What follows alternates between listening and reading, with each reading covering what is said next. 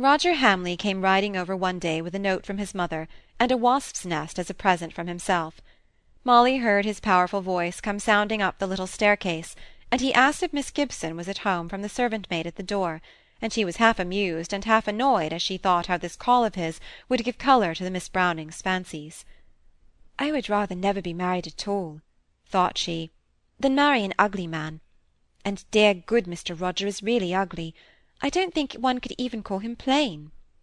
Yet Miss Brownings, who did not look upon young men as if their natural costume was a helmet and a suit of armour, thought Mr. Roger Hamley a very personable young fellow as he came into the room, his face flushed with exercise, his white teeth showing pleasantly in the courteous bow and smile he gave to all around. He knew the Miss Brownings slightly, and talked pleasantly to them while Molly read Mrs. Hamley's little missive of sympathy and good wishes relating to the wedding. Then he turned to her, and though Miss Brownings listened with all their ears, they could not find out anything remarkable either in the words he said or the tone in which they were spoken. "I've brought you the wasp's nest I promised you, Miss Gibson. There has been no lack of such things this year. We've taken seventy-four on my father's land alone, and one of the labourers, a poor fellow who ekes out his wages by bee-keeping, has had a sad misfortune. The wasps have turned the bees out of his seven hives, taken possession, and eaten up the honey." "What greedy little vermin!" said Miss Browning. Molly saw Roger's eyes twinkle at the misapplication of the word, but though he had a strong sense of humour, it never appeared to diminish his respect for the people who amused him.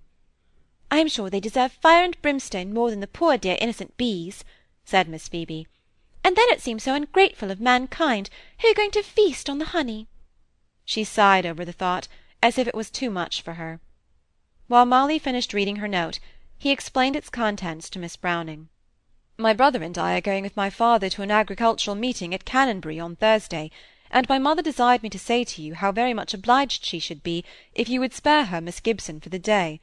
She was very anxious to ask for the pleasure of your company too, but she really is so poorly that we persuaded her to be content with Miss Gibson, as she wouldn't scruple leaving a young lady to amuse herself, which she would be very unwilling to do if you and your sister were there. I am sure she's very kind, very. Nothing would have given us more pleasure, said Miss Browning, drawing herself up in gratified dignity. Oh yes, we quite understand, Mr. Roger, and we fully recognise Mrs. Hamley's kind intention. We will take the will for the deed, as the common people express it. I believe that there was an intermarriage between the Brownings and the Hamleys a generation or two ago. "I dare say there was," said Roger. "My mother is very delicate, and obliged to humour her health, which has made her keep aloof from society." "Then I may go?" said Molly, sparkling with the idea of seeing her dear Mrs. Hamley again, yet afraid of appearing too desirous of leaving her kind old friends. "To be sure, my dear.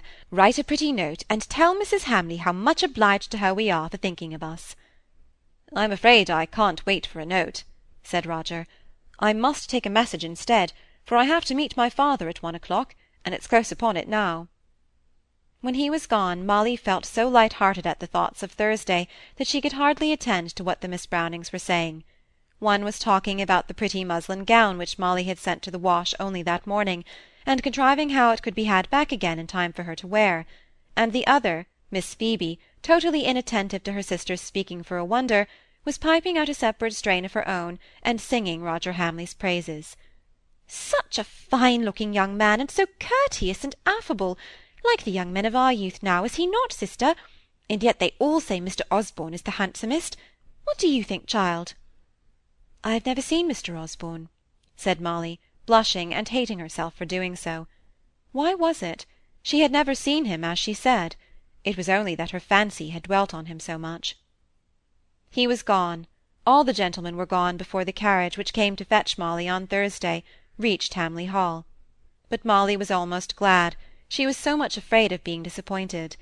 Besides, she had her dear Mrs. Hamley the more to herself; the quiet sit in the morning-room, talking poetry and romance; the midday saunter into the garden, brilliant with autumnal flowers and glittering dewdrops on the gossamer webs that stretched from scarlet to blue, and thence to purple and yellow petals. As they were sitting at lunch, a strange man's voice and step were heard in the hall. The door was opened, and a young man came in, who could be no other than Osborne. He was beautiful and languid-looking, almost as frail in appearance as his mother, whom he strongly resembled. this seeming delicacy made him appear older than he was. He was dressed to perfection, and yet with easy carelessness. He came up to his mother and stood by her, holding her hand, while his eyes sought Molly, not boldly or impertinently, but as if appraising her critically. "Yes, I'm back again. Bullocks, I find, are not in my line. I only disappointed my father in not being able to appreciate their merits, and I'm afraid I didn't care to learn. And the smell was insufferable on such a hot day." "My dear boy, don't make apologies to me; keep them for your father. I'm only too glad to have you back. Miss Gibson, this tall fellow is my son Osborne, as I dare say you have guessed. Osborne, Miss Gibson. Now, what will you have?" He looked round the table as he sat down. "Nothing here," said he. "Isn't there some cold game pie? I'll ring for that." Molly was trying to reconcile the ideal with the real. The ideal was agile yet powerful, with Greek features and an eagle eye, capable of enduring long fasting, and indifferent as to what he ate. The real was almost effeminate in movement, though not in figure. He had the Greek features, but his blue eyes had a cold, weary expression in them. He was dainty in eating, and had anything but a Homeric appetite. However, Molly's hero was not to eat more than Ivanhoe when he was Friar Tuck's guest, and after all, with a little alteration, she began to think Mr. Osborne Hamley might turn out a poetical, if not a chivalrous hero. He was extremely attentive to his mother, which pleased Molly, and in return Mrs. Hamley seemed charmed with him to such a degree that Molly once or twice fancied that mother and son would have been happier in her absence.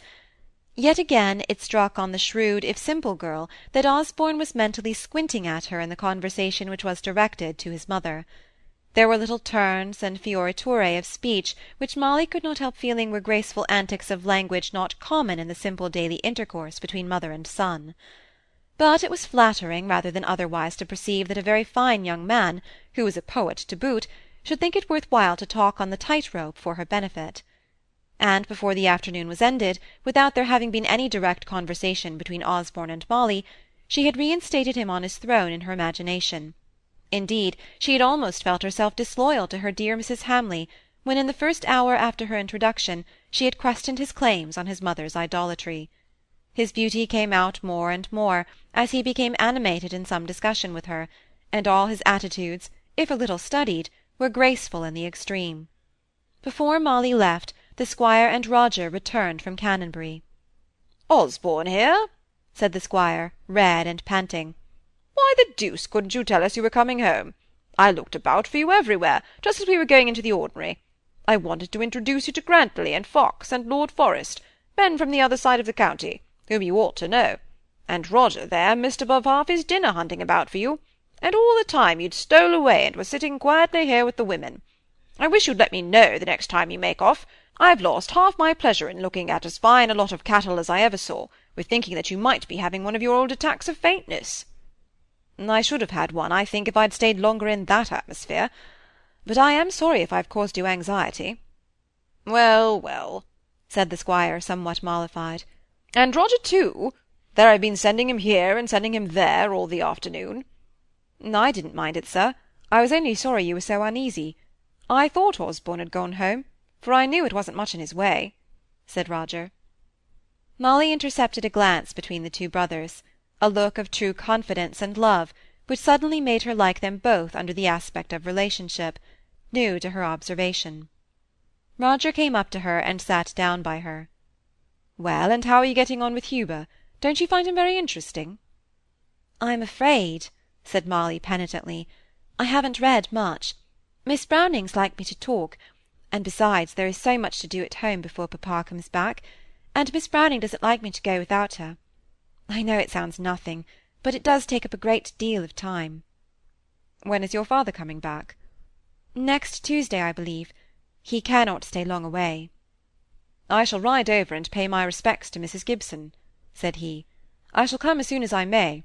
Your father has been a very kind friend to me ever since I was a boy, and when I come I shall expect my pupil to have been very diligent," he concluded, smiling his kind pleasant smile at idle Molly. Then the carriage came round, and she had the long solitary drive back to Miss Brownings'. It was dark out of doors when she got there, but Miss Phoebe was standing on the stairs with a lighted candle in her hand, peering into the darkness to see Molly come in. "Oh, Molly, I thought you'd never come back. Such a piece of news! Sister has gone to bed. She's had a headache, with the excitement, I think, but she says it's new bread. Come upstairs softly, my dear, and I'll tell you what it is. Who do you think has been here, drinking tea with us two in the most condescending manner?" "Lady Harriet," said Molly, suddenly enlightened by the word condescending. "Yes! Why, how did you guess it? But after all, her call, at any rate in the first instance, was upon you. Oh, dear Molly, if you're not in a hurry to go to bed, let me sit down quietly with you and tell you all about it, for my heart jumps into my mouth still when I think of how I was caught. She, that is her ladyship, left the carriage at the George and took her feet to go shopping, just as you or I may have done many a time in our lives and sister was taking her forty winks, and I was sitting with my gown up above my knees, and my feet on the fender, pulling out my grandmother's lace which I'd been washing. The worst has yet to be told. I'd taken off my cap, for I thought it was getting dusk and no one would come, and there was I in my black silk skull-cap, when Nancy put her head in and whispered, There's a lady downstairs, a real grand one by her talk. And in there came my Lady Harriet, so sweet and pretty in her ways, it was some time before I remembered I never had a cap on. Sister never wakened, or never roused up, so to say.